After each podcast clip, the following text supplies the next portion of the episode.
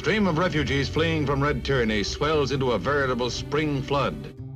Fyrstu árin eftir lok setni heimstrialdar og þegar skipting hins sigraða Þískalands upp í tvo helminga til austurs og vesturs var það staðrind, flúðu mörg hundru þúsund þjóðverjar frá hinnu nýja austur Þískalandi Sovjetiríkjana yfir til vestur Þískalands. 1951 er áætlað að 165.000 manns hafi flúið yfir Árið eftir 182.000, 1953 en fleiri, 330.000 manns. Þetta var áratug áður en sósélista stjórnin í Þíska alþýðulíðveldinu lokaði landamærunum og reisti múr mitt í gegnum gamlu höfuborgina Berlín.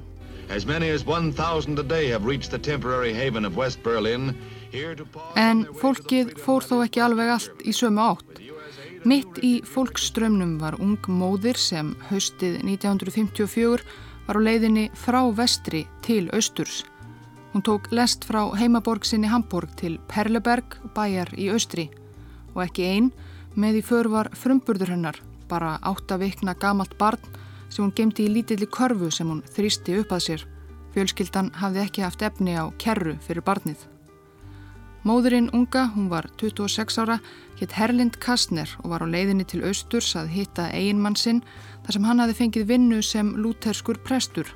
Hann hafi farið á undan frá konu sinni þungaðri og hafði því enn ekki séð barnið sem Herlind hjælt á í körfunni í lestinni til Perlebergs. Það var stúlka sem hafi fengið nafnið Angela Dorothea og um hálfri öld síðar átti hún eftir að verða æðsti leðtogi sameinhas Þískalands. Wir müssen wissen, wir müssen selber für unsere Zukunft kämpfen, als Europäer, für unser Schicksal. Und das will ich gerne mit Ihnen gemeinsam tun.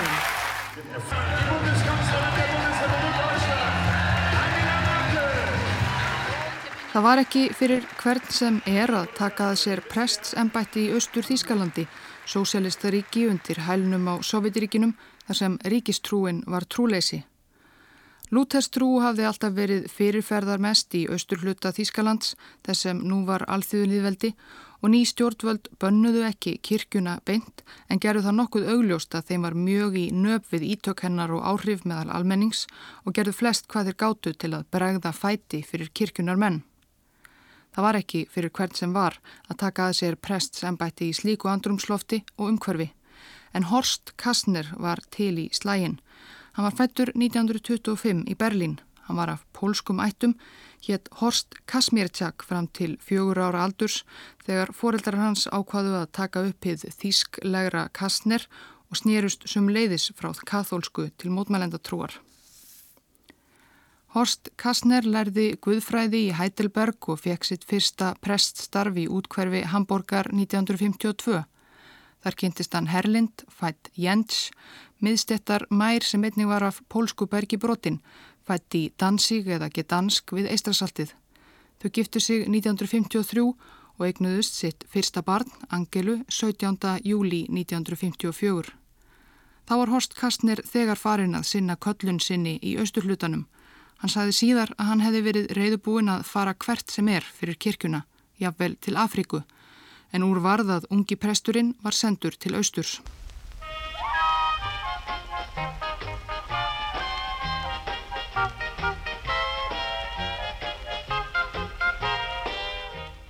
Líf fjölskyldunar var í fyrstu nokkuð strempið. Austurhlutin var ekki komin næri því hins langt í efnahagsuppbyggingu eftir hörmungar stríðsins og vestrið. Angela Merkel myndist þess síðar að í Kvitsó, smábænum þar sem þau settust fyrst stað fjölskyldan, hafi presturinn fadur hennar orðið að læra að mjölka geitur og móðir hennar að elda súpu úr netlum. Yfirvöldi í Östur Þískalandi tóku prest sjónunum ungu ekki fagnandi. Herlind, móðir Angelu, hafi verið ennsku og latínukennari en þessi fög þóttu of borgaraleg þar eistra og var henni bannað að vinna fyrir sér. Hún varði því tíma sínum mest megnis með börnunum, Angelu og yngri sískinunum Markusi sem fættist 1957 og Írene fætt 1964. Herlind og Horst Kastner voru heldur ekki á því að börnum þeirra erði innrætt ofur trú á sósialismann og sósialista stjórnina eins og nú var komið á námskrá alla barnaskóla í hausturhlutanum. Á hverjum degi eftir skóla rætti Herlind Kastner við börn sínum það sem þau hafðu lært í skólanum og hún leiðirétti miskilning og áróður. Ekki það að Herlind og Horst Kastner hafi verið harðir kapitalistar. Heima í vestur Þískalandi hafði Horst stundum verið kallaður Rauði Horst. Hann var þó heldur ekki kommunisti, heldur af öllu að dæma aðeins umhugaðum jöfnuð og félagslegt jafnrétti og var það meðal annars það sem heitlaði hann við kirkustörfin. Slík samfæring var þó ekki nóg til að samfæra yfirvöld í Austur-Þískalandi. Frá fyrstu dögum pressins í Austri fyldust útsendarar leinilöruglunar Stasi með honum og heldu nákvæmar skýslur um störfhans og predikanir og skoðanir.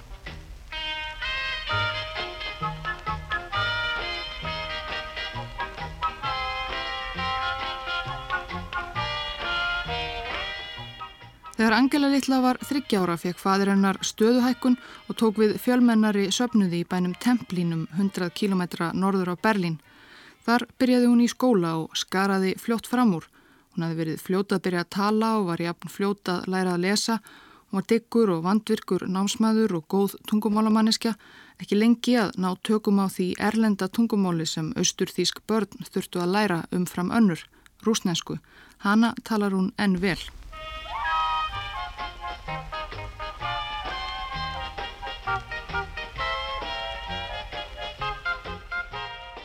Angela Merkel hefur sjálf oft vakið máls á atvikin okkru í barnaskóla sem hún að minnstakosti lítur svo á að skýri vel skoðanir hennar og stefnu enn í dag. Það var leikumitími í þriðjabekk, sund. Hlutverk leikumikennarans var að láta börnin prófa allar mögulegar íþróttir og kúnstir í vonum að finna álitleg hæfileika börn fyrir stíft ólimpíuprogram Östur Þískalands. Kennarin ákvaða að láta Angelu spreita sig á dývingum og skipaði henni upp á þryggja metra hátt stökkbretti. Hún hlíti þó henni væri mein illa við það. Þegar upp á stökkbrettið var komið hikaði hún, áttu hún að þóra og áttu hún að stökka með fæturna fyrst eða dýfa sér með höfuðið á undan. Angela Reitla gekk fram og aftur stökkbrettið og velti öllum möguleikum í stöðunni fyrir sér. Samnefnendur hennar niðri á jörðinni flissuðu og gerðu grínaðinni eftir hverju var hún eiginlega býða. En Angela vildi að eigin sögn ekki gera neitt fyrir hún var búin að hugsa, greina stöðuna, vega og meta. Líkt og hún gerir enn í pólitík, þar sem hún er yðurlega gaggrind fyrir að hika og bregðast seint við. En að lokum ákvað Angela Merkel að stökva og dífa sér með höfuðið á undan. Það var undir blá lok leikumitímans en hún let þó verða af því.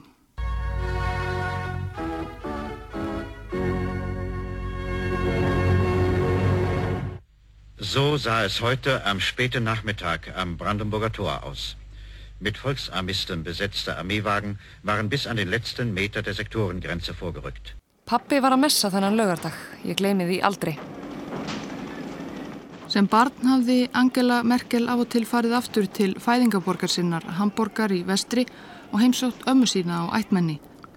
En þann 13. ágúst 1961 þegar Angela var sjóra voru frekar í ferðir af því tægi gerðar ómögulegar. Landamærum austurs og vesturs var lokað og í gegnum Berlín reys múr, svo gott sem á einni nótu, það sem kallað var í frettum andfasískur varnarmúr. Andrumsloftið í kirkjunni var hryllilegt. Fólk greitt, mamma greitt líka. Við skildum engan veginn hvað hafi komið fyrir. Angela var ekki sérlega vinamörg í skóla, Hjælt sér nokkuð til hljés, lendi þú ekki í stríðinni eða slíku, sendi bara náminu af ákjæfð og hafði orða á sér að vera einstaklega skipulögð ung stúlka. Í mentaskóla varð Angela örlítið viltari. Hún reykti í laumi og fór af og til út á kvöldin í óþökk pressjónana og rúndaði um templin á skellinaðurum með vinum sínum. Hún drakk þó ekki og var að samnemenda hennar og vina lítið í því að slá sér upp með strákum. Hún var áfram duglegu nefandi Hún fór til Moskvu að keppa í alþjóðleiri keppni rúsnesku nema. Þar í Stórborginni fór hún í fyrsta sinn í plötubúð og kefti sér sína fyrstu hljómplötu og líkt flestum vinum sínum var hún ættið meira fyrir Bítlana en Rolling Stones og það var Yellow Submarine sem varð fyrir valinu. Ungelebten unter mir, dort im schönen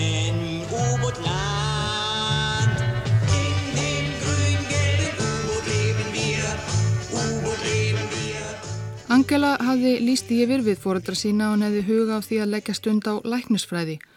Þegar á hólminn var komið skráði hún sig þó ekki í læknisfræði heldur eðlisfræði í Karl Marx háskólanum í Leipzig, einum sögufrægasta háskóla Þískaland sem lengst af var þó ekki kentur við Karl Marx heldur aðeins borgina Leipzig. Í æfisögunni Angela Merkel, Europe's Most Influential Leader, leiðir stjórnmálafræðingurinn Matthew Kvotrup að því líkum að kannski hafi henni verið beint úr læknisfræði yfir í eðlisfræðina því sósilistastjórnin í austur Þískalandi var ekki yfir það hafinn að beina efnilegum nefendum að þeim námsefnum þar sem þörfar á kröftum þeirra. En um það er ekkert vitað. Kannski var bara eitthvað við hérna flóknu eðlisfræði sem tókaði. Altjent var Angela Merkel 19 ára þegar hún flutti úr foreldrahúsum í Templin og til borgarinnar. Ég vildi vera annar staðar og mest af öllu vildi ég komast burt úr þessum smábæ.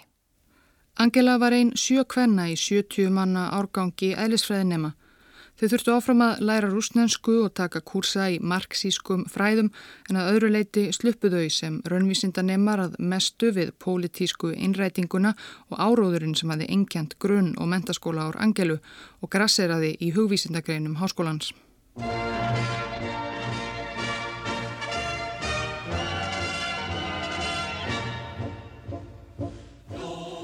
En á unglingsaldri hafði Angela reyndar gengið í eins og mjög margir jafnaldrar hennar ungliðarhefingu Sósilistaflokksins Fræje Deutsche Jugend frjálsa Þíska æsku eða FDJ. Það var ekki skilda að ganga til liðs við hreyfinguna en það gerðu lang flestir. Angela gerði það kannski ekki síst vegna þess að FDJ stóð fyrir ímsum skemmtilegum uppákomum og ferðum. Það var kannski eitthvað svipað og að vera í skátum. Ekkert bendi til þess að þó að Angela hafi lengi verið nokkuð virk innan FDJ að hún hafi nokkuð tíman brunnið sérstaklega fyrir hugssjónum sósilistaflokksins. Þetta var aðalega félagskapurinn, sagði hún sjálf síðar. Í háskóla tók hún að sér að stjórna menningarmálum fyrir deild FDJ í skólanum, kaupa leikusmiða, áfengi á skemtanir og svo framvegis. Hún hafði ennþað orð á sér síðan í grunnskóla að vera góði í að skipuleggja hitt og þetta. Hún síndi engan sérstakann áhuga á frekara pólitísku starfi en fylgist þó með þjóðmálum og sér í lagi með atbörðum í Granríkinu í vestri.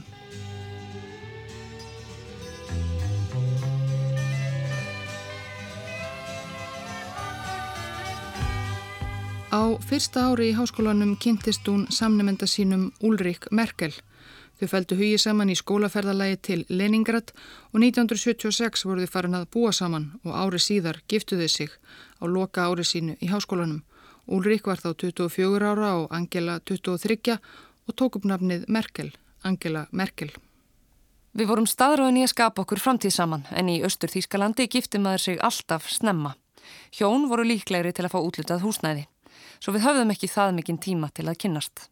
Í háskólanum fór hún líka fylgjast meira og meira með fréttum, hugsa meira og meira um stjórnmál og varð gaggrinnin á stjórnvöld, einræðis ríkið sem hún bjói, þó ekki svo hún væri beinlinis stjórnar anstæðingur eða hvað. Já, það fer eftir því hvað áttir við með stjórnar andstöðu. Ég tilheyri sannarlega ekki neinum andstöðu hópum og ég barðist ekki fyrir mannréttindum. En á þessum tíma fór ég að líta Östur Þískaland gaggrinni augum. Lokarið gerð Angelu Merkel frá Karl Marx háskóla í Leipzig um flókna kjarnælisfræði fyrir góða engun og vakti aðtekli. Eftir útskrift fluttus og nýgiftu eðlisfræðingarnir til Östur Berlínar þar sem þau fengu bæði vinnu við rannsóknir við eðlisfræði til Brandenborgar Vísindaakademíunar. Það var þó ekki fyrsta starfsval Angelu. Hún hafi sótt um vinnu hjá tækniháskóla í bænum Ilmená. Vegna reitgerðarinnar og góðra enguna kom hún sterklega til greina en sjálft atvinnuviðtalið komu óvart. Henni mættu ekki vísinda eða fræðimenn heldur tveir fulltrúar frá leinilauruglunni Stasi. Þetta var öðruvísi atvinnuviðtal en hún hafi búist við. Hversu mikið hlustar þú á vestræna útvarpið og hvenar fegstu síðast gallabugsur frá vestur Þískalandi, spurðuður hana kurteisislega þó þeir hafi á nefa vitað svörin fyrirfram og svo hafði hún áhuga á því að starfa fyrir Stasi. Angela hikaði og henni rann kallt vatn millir skins og hörunds. Það gæti verið hættulegt að hafna Stasi en hún vildi heldur ekki þurfa að njóstna um ættinga sína og vini og vinna fyrir stjórnvöld sem hún varð sífælt ósáttari við. Fóreldra mínu sögðu mér alltaf að segja stasímönnum að ég veri kæftaskjóða og gæti ekki haldið mér saman. Svo ég saði þeim að ég veri ekki vissum að geta haldið þessu lindu fyrir eiginmanni mínum. Stasímennir virðast hafa samfærst. Þessi kona er því vonlu snjósnari. Hún fekk ekki starfið.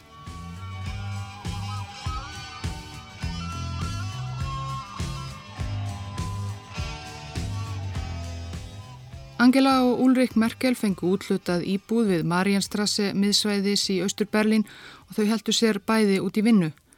Angela fór að ferðast til annara landa þeirra megin jártjaldsins. Ulrik kom yfirleitt ekki með. Þau töluðu sífilt minna saman. Samt sem aður kom það Ulrik á óvart einn vetrar morgun 1981 að Angela var farin. Dag einn var hún allt í einu búin að pakka niður í töskur og var farin úr íbúðin okkar. Hún hefði vegið og metið allar afleðingarnar og greint kostu og galla. Við skildum í vinskap. Við vorum bæði fjárhagslega sjálfstæð. Það voru ekki svo margir hlutir sem við verðum að skipta á millu okkar. Ég tók húsgögnin og hún þóttavélina. Í æfisugu sinni sem áður hefur verið vísað í skrifar Matthew Quartrup að þó að Angela Merkel einn valdamesta kona heims og hefur verið fyrirferða mikil í heimsfréttunum undan farin áratug eða svo viti flestir lítið um æfi hennar fyrstu 40 árin eða þarum bil. Æfi hennar fram að því þykir heldur ekki spennandi að minnstakosti ekki meða við það sem á eftir kom.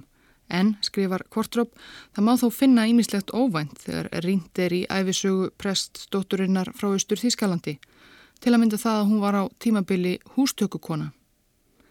Njá, það er reyndar kannski ekki alveg einn spennandi og það kann að hljóma. Eftir að Angela skildi við Ulrik þurft hún að finna sér annan stað til að búa á í Berlin. Hún bjóð um tíma hjá vinnum og svaf á sófum. Starfið hjá Vísindaakademíunni var ekki sérlega vel borgað og það var ekki hlaupið að því að finna sér íbúði í Östur Berlin á þessum tíma. Nýbyggingar voru nær engar og meðan eldri húsum var leiftað grotna niður. Kunningi Angelu tók eftir einu slíku húsi sem virtist mannlaust og glemt, hverki á skrá hjá fastegna miðlun hins opimbera. Gat Angela ekki bara flutt inn? Með nokkrum félögum braust hún inn í eina tóma íbúðina Hún braut upp lásin með borvél og þau tóku til við að gera íbúðina íbúðarhæfa, mála, setja upp eldavél og svo framvegis. Angela bjó í íbúðinni í leifisleysi í tvö ár áður en hún fluttiloks í hefbundnari íbúð með löglegum hætti í Prensláarberg.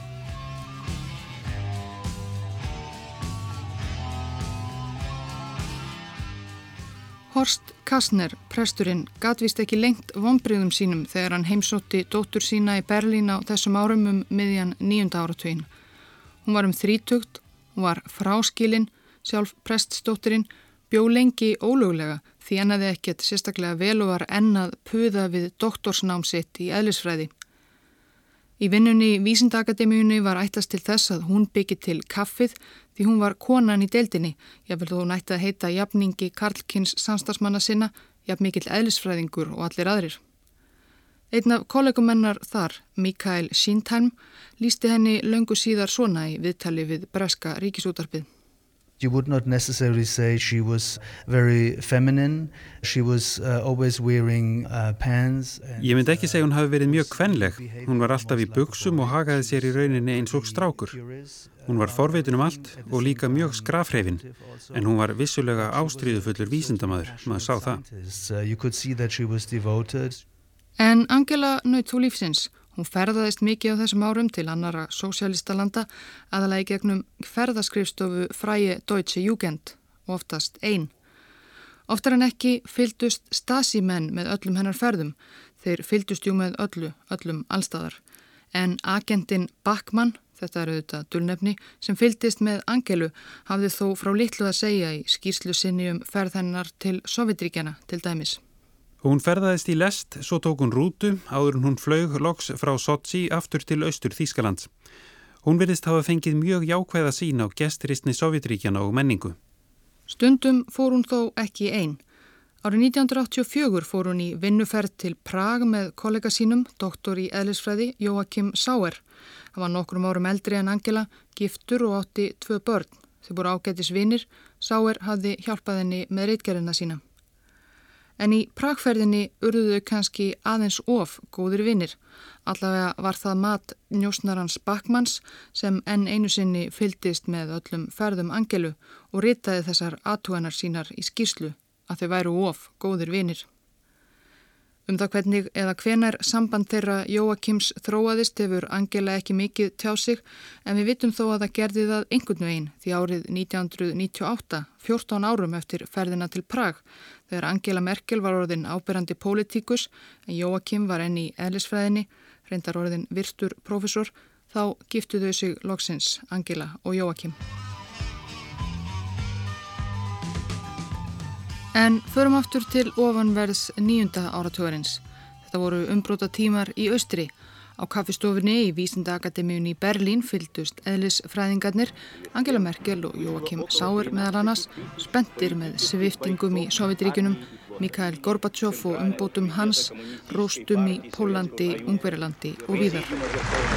Mr. Gorbachev, tear down this wall.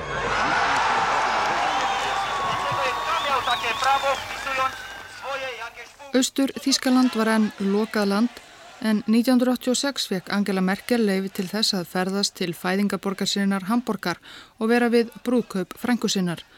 Hún hafði þá ekki komið til vestur Þískalands frá því að hún var barnað aldri. Hún hafði ferðast víða um löndin hennar megin í ártjálsins, farið vísvegarum Sovjetríkin og til Tjekkoslovakíu, Ungverjalands og fleiri landa, oftar en ekki eina á ferð. Sann sem áður var nokkuð smeg að ferðast einn vestur yfir. Gista einn á hotelli í borg sem austur þíska pressan talaði jafnan um að væri morandi í glæbamönnum og kapitalískum óþjóðalíð. Mart vakti þó aðegli og aðdáun. Hún fór líka með lest til Karlsrúi að hitta eðlisfræði kollega sína og nútímanlegar lestir vestur Þískalands vöktu aðtegli hennar í samanburði við skröldandi skrjóðana sem hún var vön fyrir austan. Mín fyrsta reynsla var af Intercity lestunum hjá Búndesban. Kvílikt tækni undur. Óh, oh, ég minn eini, þetta var ótrúlegt. Hátterni vestur þjóðverja um borð vakti einnig undurinn. Stúdendarúnlingar sátu í lestinni með fæturnar uppi á sætonum. Á sætonum, í þessum líka dásamlegu lestum. Þetta þótti mér nextanlegt. Á þriðutaskvöldum var Angela Merkel vun að fara í Gufubað klukkan 6 Hún satt þar um stund, svo hittum hún yfirleitt vinkonu sína á knæpu og fekk sér einn bjór, bara einn, því hún mætti snemma til vinnu á miðugutasmornum. Hún brá ekki frá þessum vana þriðutaskvöldi 9. november 1989. Angela Merkel satt því og svitnaði í gufubadi um sjöleitið þegar austurþíska ríkisjónvarpið síndi beint frá bladamannafundi stjórnvalda. Es ist sowohl vorgesehen, Delegierte für diese Parteikonferenz Umbrótatímar undanfarina ára voru þá ornir að aldeilis ótrúlegum tímum. Sovjetríkin voru að leysast upp og í ártjaldið með austur þjóðverjar streymdu úr landi til vesturs í gegnum Ungverjaland og Tekoslovakíu, aðrir mótmæltu á gutum Berlínar. Erik Höneker, leðtögi austur Þískalands til 18 ára, hafi sagt af sér um meðjan oktober. Eftir maður hans, Egon Krenz, vildi friða alþýðuna og opna landamærin.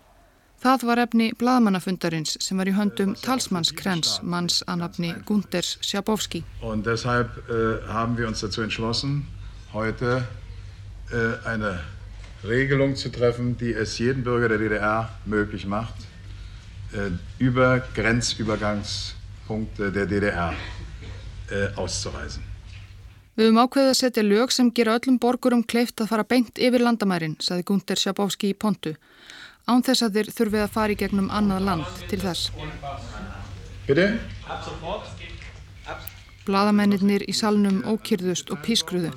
Þetta voru stórfréttir sem maðurinn var að segja. Fréttamaður ítalskrar fréttastofu spurði og hvenar taka svo þessar nýju reglur gildi? Gunder Sjabowski leitt þar nokkuð spyrjandi yfir blöðin á borðinu fyrir framann sig. Kenntnis ist das sofort. Unverzüglich. Að þér ég best veit taka þér gildi strax, saði Sjabowski, án tafar. Gunders Sjabowski er í dag stundum minnst sem mannsins sem feldi múrin. Það hefði alls ekki verið ætluninn að opna landamærin strax upp á gátt og það í beitni sjómasútsendingu. En heima í stofu tók fólk andköfið orðans og þusti út á götur Sjónvarpið hafði ju sagt að landamærin veru opinn. Í Berlín streymdi mannfjöldin fram hjá ráðalösum landamæravörðum og í gegnum múrin. Þegar Angela Merkel og vinkonæðinar komu út af pöpnum eftir þriðudags bjórin um nýjuleitið mætti þeim ringulreið á gödum borgarinnar. Múrin var fallin. Angela let sig berast með fólks strömnum yfir til vesturs í fyrsta sinn. Ég hitti eitthvað fólk og einhvern veginn endaði ég á heimili ókunnurar fjölskyldu. Ég fekk að ringja þar. Þau vildu fara aftur á kútam og fagna, en ég sagðist frekar vilja fara heim. Ég þurfti að vakna snemma. Svo mikið af nýju fólki og allur þessi mannfjöldi var miklu meira en ég gætt þóla á þessari stundu. Mér fannst ég þegar hafa gengið of langt, með að við mig. Það kann að hljóma líginni líkast að þessi framtíðar leittói hafi upplifað einn af líkil atbyrðum evróskrar sögu síðustu ára svona, farið heim í háttin og mætti vissulega í vinnuna á tilsettum tíma á miðugtas morgun og næstu dag á vikur held hún áfram að sinna störfum sínum. En það var eitthvað í loftinu þó sem greipana. Angelu Merkel hafði vissulega verið í nöp við austurþísk stjórnvöld og það ofríki sem austur þjóðverjar þurftu að búa við. Hún hafði vissulega skeggrætt fréttir og þjóðmálin á kaffistofinni við vinnufélaga sína en hún hafði aldrei skipt sér af pólitík þannig. Fadirinnar hafði alltaf haft sterkari skoðanir á þeim efnum en hún og yngri bróðirinnar sömu leiðis. Á síðustu mánuðum sósialismans hafðu þeir meira segja skipulagt fundi gegn einræðinu og um framtíðar skipulag landsins. Þeir göpuðu Angelu og eitt fund og smátt og smátt á meðan austurþíska sósilista stjórnin molnaði eins og Berlínarmúrin og stefnan var tekin á endur saminningu Þísku ríkjana fór Angela að hugsa sífælt meira um pólitík og hún fór að vilja taka þátt í að móta framtíð Þískalands. Angela Merkel gerði það sem hún gerði best. Hún kannadi alla möguleika og kosti með varkárni vandvirka vísindamannsins. Kynnti sér flesta þá smáflokka og samtök sem voru að spretta upp eins og gorkúlur í hinnu hnignandi austri. Hún gekk á endanum í flokkanafni Demokratíser Áfbrúk, DA, líðræðisleg vakning, sem átti rætur að reykja til pólitískra umræðuhópa sem tengdust mótmælendakirkjunni. Flokkurinn stemdi á frambóði fyrstu líðræðislegu kostningum í sögu Östur Þískalands sem bóðar voru vorið 1990 og Angela Merkel bauðst til þess að hjálpa til við að deila át bæklingum og auglýsingum um flokkin. Það var hennar fyrsta pólitíska starf en aðeins um ári síðar var hún orðin ráþæra.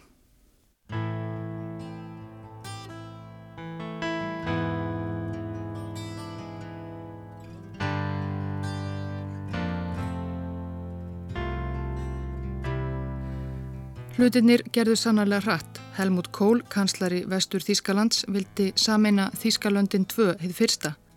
Til þess þurfti hann þó trygga samstagsmenn í austurhlutanum og var honum því mikið í munað austur Þíska útgáfan af hans eigin kristilega demokrataflokki CDU gengi vel í fyrirhugðum kosningum þar eistra. Vandamálið var helst að eins og flestir flokkar sem fyrir voru í austur Þýskalandi hafði austur CTU verið meðvirkir sósialistum á einræðis árunum og hættan var að kjósendur refsuðu þeim fyrir það.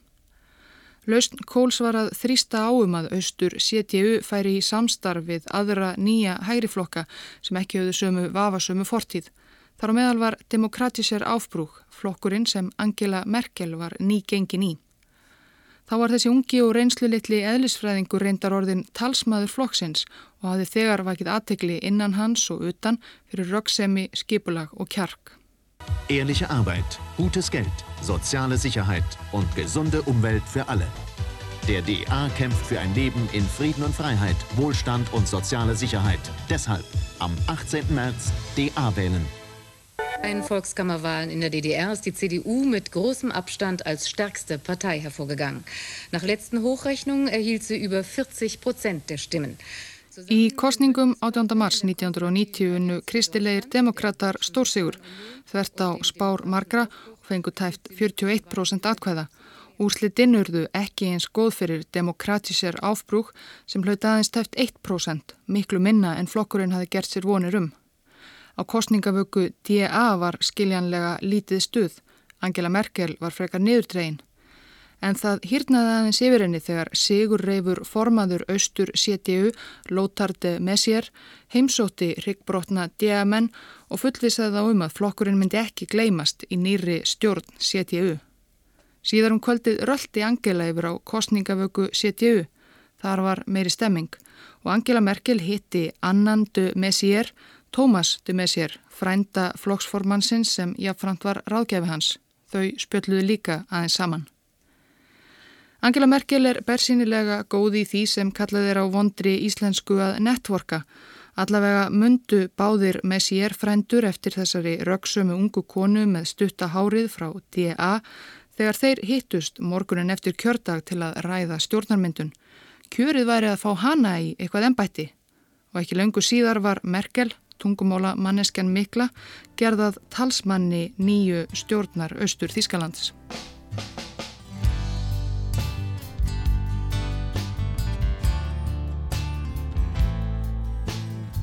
Angela Merkel kleif hinn pólitíska metorðastega svo að segja eins hratt og sviftingarnar örðu í Þýskalandi.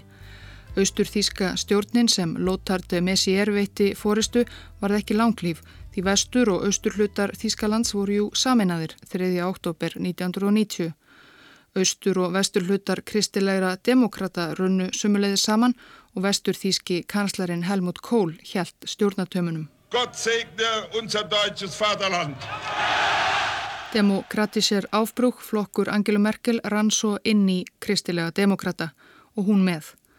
Og þegar komað fyrstu kostningum sameinas Þýskalands lág beinast við að hún erði sendi frambóð. Kristilegi demokrater þurftu á konu eins og henni að halda. Hún var ung og öflug, hún var kona, hún var að austan, allt sem flokkurinn þurfti á að halda. Merkel var kjörin á þing fyrir kjördæmið Stralsund Nordvorpormern Rúken í norðaustanverðu Þískalandi í desember 1990 og ekki nóg með það. Sem nýkjörin þingmaður var hún færð á fund kanslarans Helmut Kohl sem list vel á hana. Það vantaði ymitt ungar konur í nýju stjórninans og ekki verra að hún væri að austan. Ég var komin við hliðin á alls konar fólki sem ég þekkti bara úr sjónvarpinu. Það var okkveikjandi í fyrstu en svo saði ég við sjálfa mig. Þú kant heildarreikning, svo það getur varlega verið svo erfitt að tala við gamla ráþeira, er það? Hún var snarlega skipuð ráþeira kvenna og æskuliðismála 35 ára, yngsti ráþeira þýskrar sögu. Dr. Angela Merkel, Bundesministerin für Frauen und Jugend, verteidigt ihre Meinung auf dem heißen Stuhl gegen fünf Gegner. Ég hafði engan tíma til þess að hugsa um reynsluleysi. Það var ljóst að það var mikið mér í hag. Ég var kona, ég var að austan og ég var ung. Þetta skadaði mig ekki. Stefnumálinn sjálf voru ekki eitthvað sem ég hafði hugsað mikið um. Mál kvenna og barna hafðu ekki vakið áhuga minn á saminningartímanum. Þetta var stórt tækifæri fyrir mig. Ég gætt lært að leika leikin, lært á valdið, án mikillar áhættu. Síðar varð Merkel umhverfis og kjarnorkumálar á þeirra. Það var málaflokkur sem hún hafði bæði meiri áhuga á og vakti auk þess meiri aðtikli á henni. Frami hennar held bara áfram. Ráþaratíð Angelu Merkel lauk haustið 1998 þegar kristilegir demokrater mistu talsvert fylgi í þingkostningum og stjórn Helmut Kohls fjall. Merkel var þá skipuð í staðin aðalritari flokksins en þrautagöngu hans var ekki lokið. Síðla árs 1999 komst upp að flokkurinn hefði þegið alltaf miljón mörg af ólögulegum framlögum frá kanadískum vopnasala Karl-Heinz Schreiber. Málið var alltið skuggalegasta og lílegasta. Schreiber hafði afhengt fíð á bílastæði, leinilegir bankareikningar komu líka við sögu og svo tengdist þetta allt mögulega vopnasölu til Sáti Arabíu. Og æðstu toppar í kristilega demokratafloknum voru sagðir viðriðinir málið beint eða óbeint meðal annars sjálfur Helmut Kohl fyrirverandi kanslari sem hafi sagt af sér formensku í floknum en var þar enn valdamikill. Og náinn samstagsmaður Kohls og eftirmaður í formansembættinu Wolfgang Schäuble sem um áratug síðar varð allræmdur sem fjármálar á þeirra Þískalands í viðræðunum um skuldavandamál Greiklands en alltjent þetta var stórskandal fylgi kristilæra demokrata hrundi.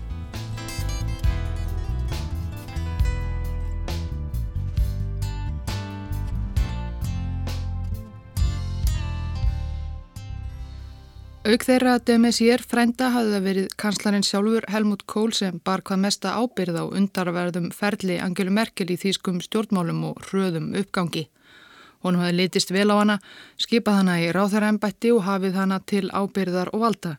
Ekki skemmti fyrir þvert á móti að hún var ung kona mótmælenda trúar frá austur Þískalandi í flokki sem ennkendist annars helst af eldri körlum, vestur þjóðverjum og katholikum. Hún var stundum kolluð stjúpdóttir Kóls í pressunni og hann kallaði hana líka gerðnan stúlkuna sína þó það væri reyndar frekar niðurlægandi fyrir þessa öflugu stjórnmálakonum.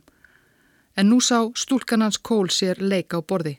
Kristilegi demokrataflokkurinn var illa særður eftir það sem kallað var í daglegu tali og fjölmiðlum svarta peningamálið. 22. desember 1999 byrti Merkel undraverða grein í stórblæðinu Frankfurter Allgemeine Zeitung án þess að bera það undir samflokksmenn. Þar sem hún bókstaflega heldi sér yfir læriföður sinn sem enn var titlaður heiðurs formaður flokksins.